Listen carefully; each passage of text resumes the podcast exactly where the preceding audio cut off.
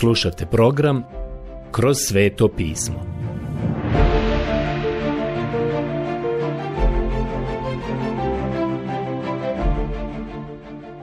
Knjiga Evanđelje po Marku. Odlomak Evanđelje po Marku, poglavlje 14 od 22. do 72. stiha.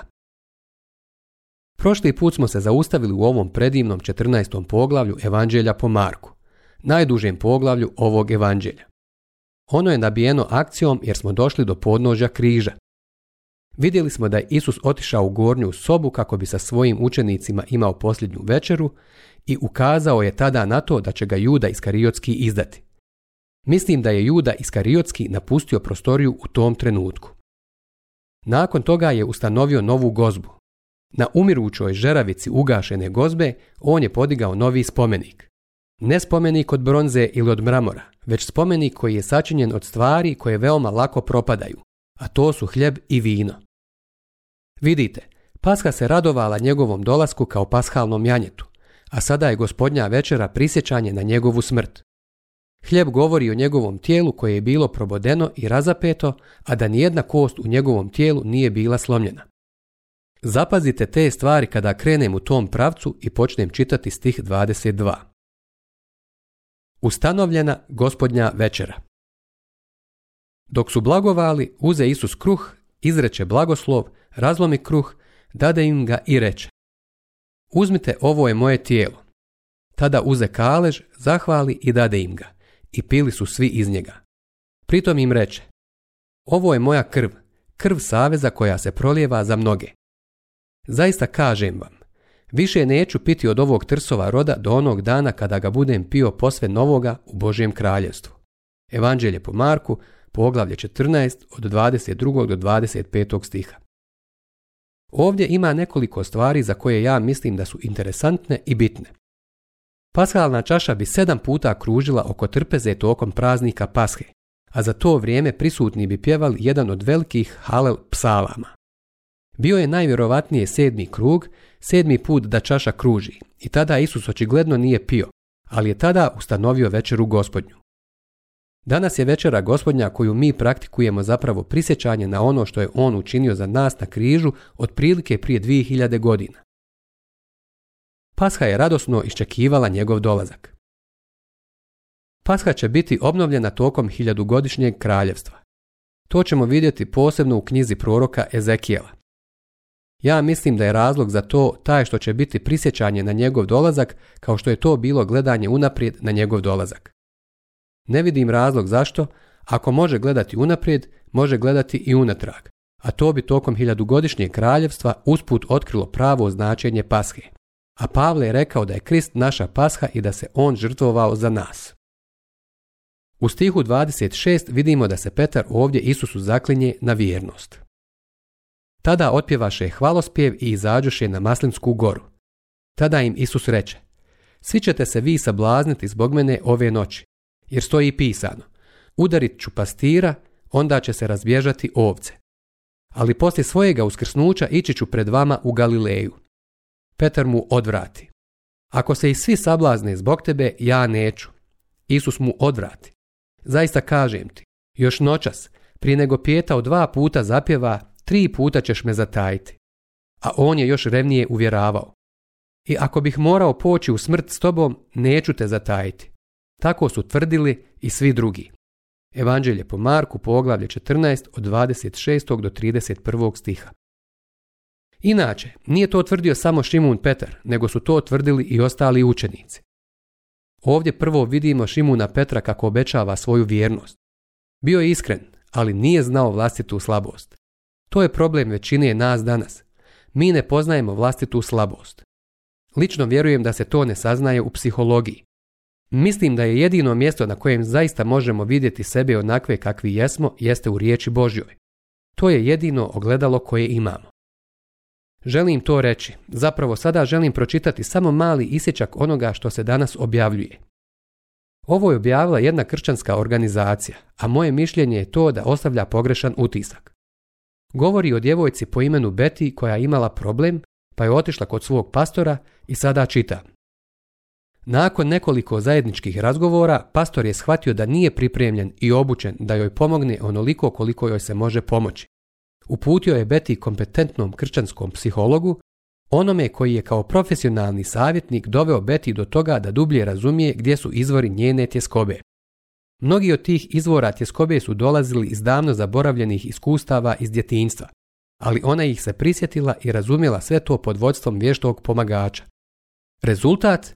Ova kršćanska tineđerka je bila oslobođena iz stiska emocionalnih problema i dobila je novi odnos sama sa sobom, drugima i gospodom. Mogu li reći da mi ovakve stvari zvuče kao bajke braće Grimm, u kojima se često može naići na frazu da su živjeli sretno do kraja života? Sada slučajno znam da kršćanski psiholog danas nije kompetentniji od rješavanja ovakvih problema od prosječnog pastora. Mislim da smo mi danas u zabludi jer vjerujemo da je kršćanski psiholog rekao nešto poput hokus pokus, abrakadabra i na neki način problemi su bili riješeni. Prijatelju moj, mogu li ti reći, niko od nas ne poznaje dubine ljudskog srca i samo Božja riječ nam može pokazati i pomoći da vidimo koliko smo zapravo mi grešnici a uzgrijed, to je bio problem i sa Beti. I to je problem sa mnom i to je problem sa vama. Ja ne znam ko je bio njen pastor, ali mislim da bi joj mogao pomoći da je znao riječ Božiju. Meni se čini da smo stavili pogrešan naglasak i kao rezultat toga vidim jako puno ljudi koji su riješili jedan problem. Kada odu kršćanskom psihologu, izađu sa još dva problema i posljednje stanje čovjeka je gore od prvog. Budimo vrlo jasni, jedino rješenje naših problema je gospod. Ne rješavate problem da biste onda mogli otići gospodu. Već vi idete gospodu, a on je glavni i veliki doktor. On je inače jako dobar psiholog i on nam danas može pomoći. On nas jedini poznaje. On je jedini koji može dati pravu i konačnu analizu. Kao što vidite, prilično sam uporan da ovo iznesem i kažem, jer mislim da je jako važno da danas to neko kaže, Vidimo da danas postoji mnogo onih koji trguju nekim bolestima koje zapravo samo Božja riječ može riješiti. I samo ih sam Bog može riješiti. Kada bismo samo naučili ići k njemu i prepustiti se njemu i prepoznati da imamo loše djetinstvo.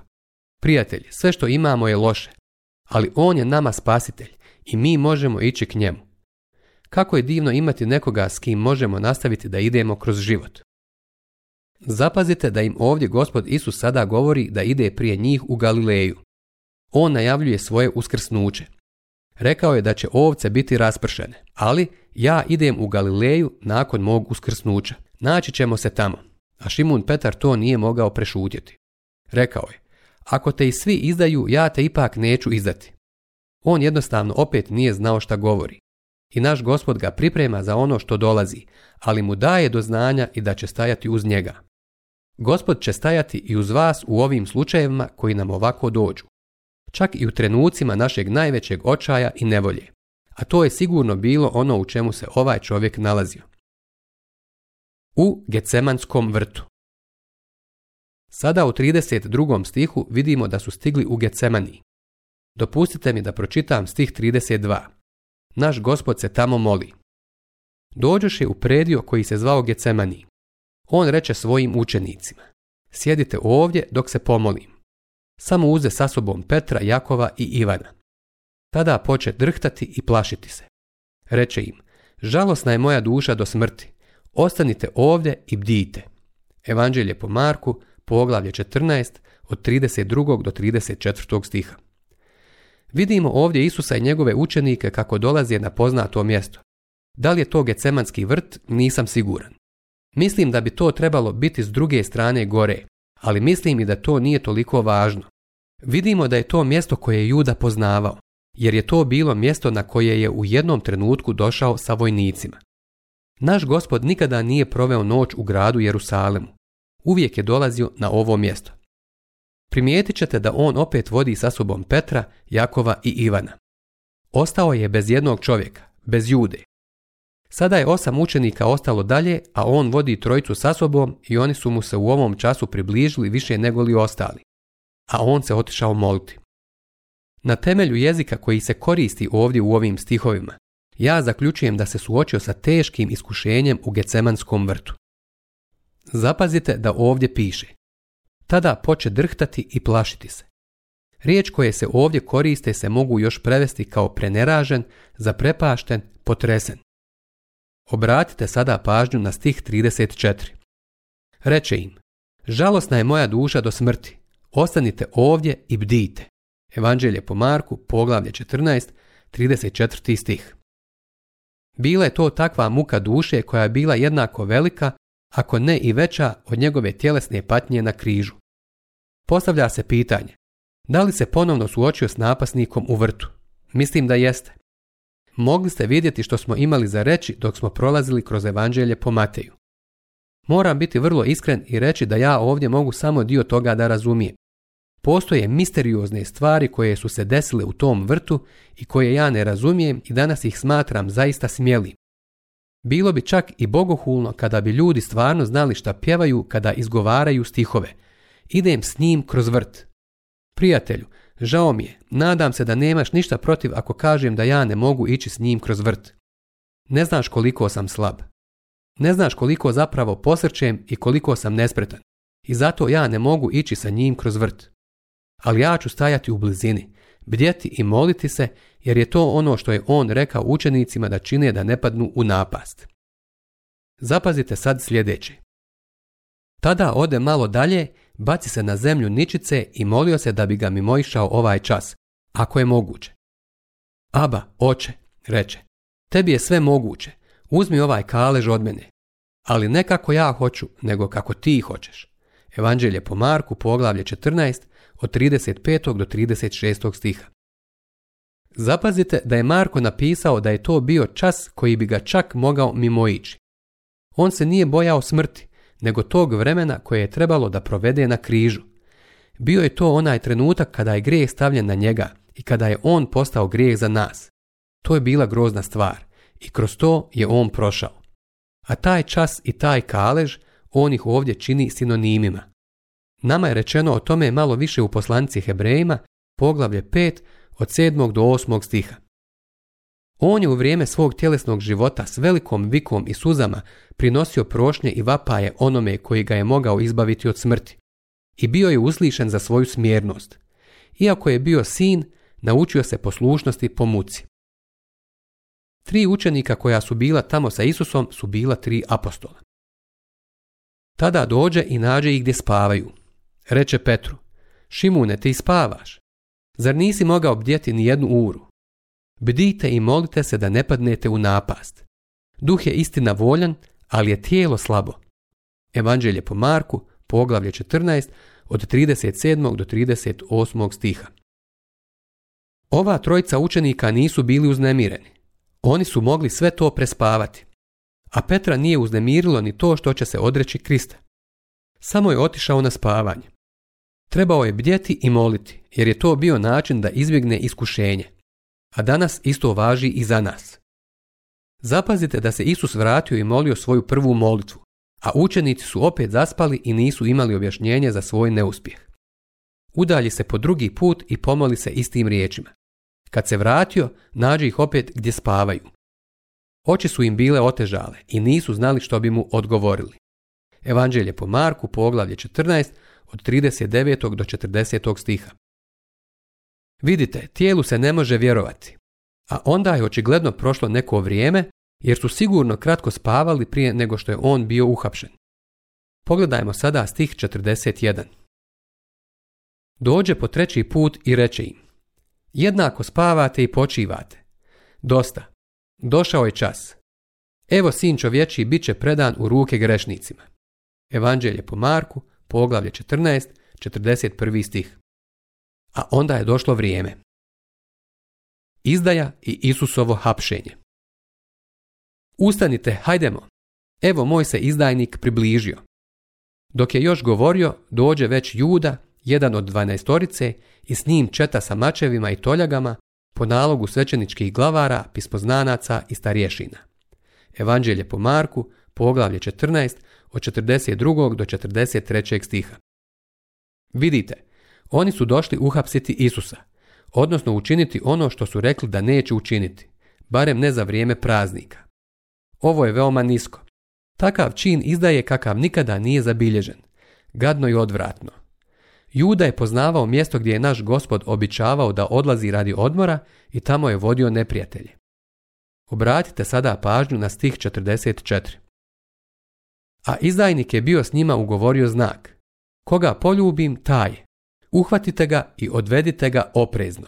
Evanđelje po Marku, poglavlje 14, 44. stih. Poljubac je znak ljubavi i privrženosti, a Juda ga je iskoristio da izda Krista. Ja mislim da to čini taj njegov čin još podlijim i odbojnijim. Također je dobro primijetiti da se naš gospod u svojoj ljudskosti nije razlikovao od drugih ljudi ukoliko biste ga posmatrali i gledali u njega. Ovdje je bilo potrebno identifikovati ga u gomili. Obratimo sada pažnju na 45. stih. Kad dođe, odmah pristupi k Isusu, poljubi ga i reče, učitelju. Evanđelje po Marku, poglavlje 14, 45. stih. I primijetit ćete da ga je nazvao učitelju. Niko ne može nazvati Isusa gospodom osim po duhu svetu. Tako nam kaže apostol Pavle u prvoj poslanici Korinčanima poglavlje 12 stih 3. A sada nam je rečeno sljedeće a oni staviše ruke na njega i uhvatiše ga. Evanđelje po Marku, poglavlje 14, 46 stih. Ovo je onaj trenutak kada je Isus bio predan u ruke grešnog čovjeka. Sada je Isus predan ljudima da bi otišao na križ. Međutim, vidimo i to da mu Šimun Petar pokušava priskočiti u pomoć. A jedan od onih što su stajali ondje potegnu mač, udari njim slugu velikog svećenika i ocijeće mu uho. Isus im reče, kao na razbojnika izašli ste s mačevima i toljagama da me uhvatite. Svaki sam dan bio među vama u hramu i učio. I niste me uhvatili. Ali neka se ispuni pismo. Tada ga svi učenici ostaviše i pobjegoše.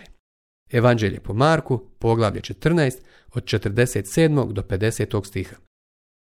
Ovo je bilo u skladu sa pismom koje se trebalo ispuniti. Zapazite da je Šimun Petar bio taj koji je zaista odrezao uho jednom od onih koji su došli uhapsiti Isusa. To možemo vidjeti u Evanđelju po Ivanu u 18. poglavlju. U Evanđelju po luk je čak navedeno i ime tog čovjeka, Malko. Šimun Petar je bio dobar ribar, ali prilično slab mačevalac.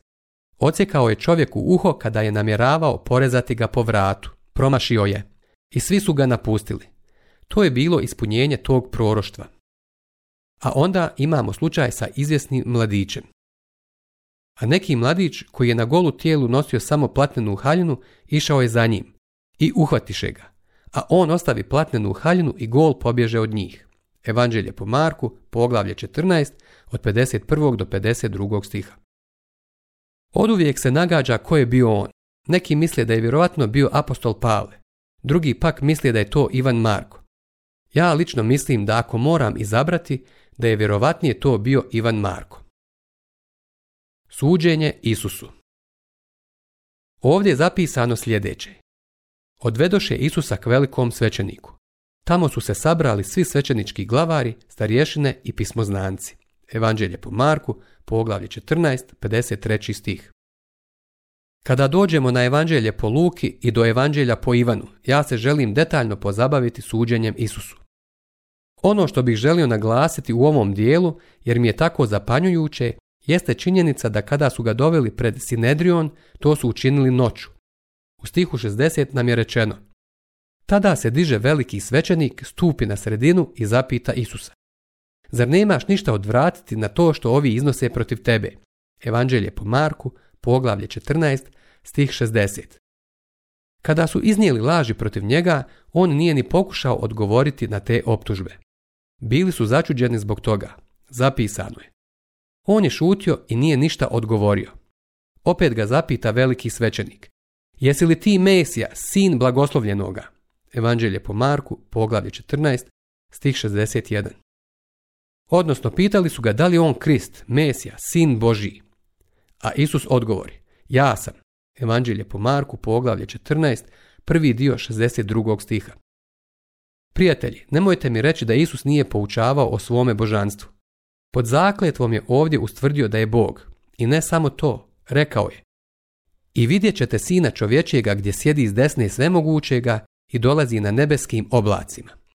Evanđelje po Marku, poglavlje 14, drugi dio 62. stiha. Sada vam kažem, veliki je svećenik razumio što je Isus rekao. Tada veliki svećenik razdera svoju haljinu i reče, Čemu trebamo još svjedoke? Evanđelje po Marku, poglavlje 14, stih 63. I usput rečeno, postoji zakon koji možemo vidjeti u Starom Zavjetu i koji glasi da veliki svećenik nikada ne smije trgati ili parati svoju odjeću. Čuli ste hulu, šta vam se čini? Oni jednoglasno izjaviše da je zaslužio smrt. Evanđelje po Marku, poglavlje 14, stih 64. Prijatelju, ili je bio u pravu ili nije bio u pravu. Ako on nije bio u pravu, imali su neke osnove da ga osude. Ali ako je on bio u pravu, onda su trebali to malo više istražiti. Ovo poglavlje završava zapisom o tome kako se Šimun Petar odrekao njega. To je bilo upravo ono što je naš gospod i rekao da će Petar učiniti te noći. Neka služavka ga je natjerala da se odrekne gospoda Isusa. Zapisano je u 71. stihu da kada je ova sluškinja došla za Petrom po drugi put, desilo se sljedeće. Tada se poče kleti i preklinjati. Ne znam toga čovjeka o kojem govorite. Odmah zapjeva pjetao po drugi put. I Petar se sjeti riječi koju mu je bio Isus rekao. Prije nego zapjeva Pijetao dva puta, zatajčeš me tri puta. I on proplaka. Evanđelje po Marku, poglavlje 14, od 71. do 72. stiha. Petar se mogao pokajati za svoj grijeh. Uzgred rečeno, to je pravi test. To su bile suze istinskog pokajanja. Zapamtite, Petar je bio taj koji je napisao u prvoj Petrovoj poslanici poglavlje 1.5. stih koje po vjeri čuva Božja snaga za spasenje, pripravljeno za očitovanje u posljednje vrijeme. Znao je da ga je gospod sačuvao.